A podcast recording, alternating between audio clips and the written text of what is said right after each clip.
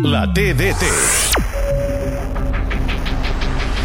Valde la filtra cap a l'interior de l'àrea per Gavi, Gavi per Joao Fèlix, se l'endú Joao Fèlix des de terra, la Yamal! Gol, gol, gol, gol, gol, gol, gol, gol, gol! Per fi ha marcat el jove futbolista del Barça, el més jove en fer-ho en tota la història, aquest diamant en brut que comença a polir-se, aquest Lamin Diamant que marca el gol, és el gol del jove futbolista, un gol que esperàvem, un gol que ell, per exemple, amb la selecció espanyola havia marcat i que amb el Barça Avui, dia 8 d'octubre del 2023, el converteix en aquest golejador precoç, joveníssim, gairebé infantil. Un gol gens difícil, un gol pràcticament d'empènyer-la i que el fa passar la història. Lamin Yamal. Li diria, recordeu el seu nom, però no cal perquè us el sabeu de memòria.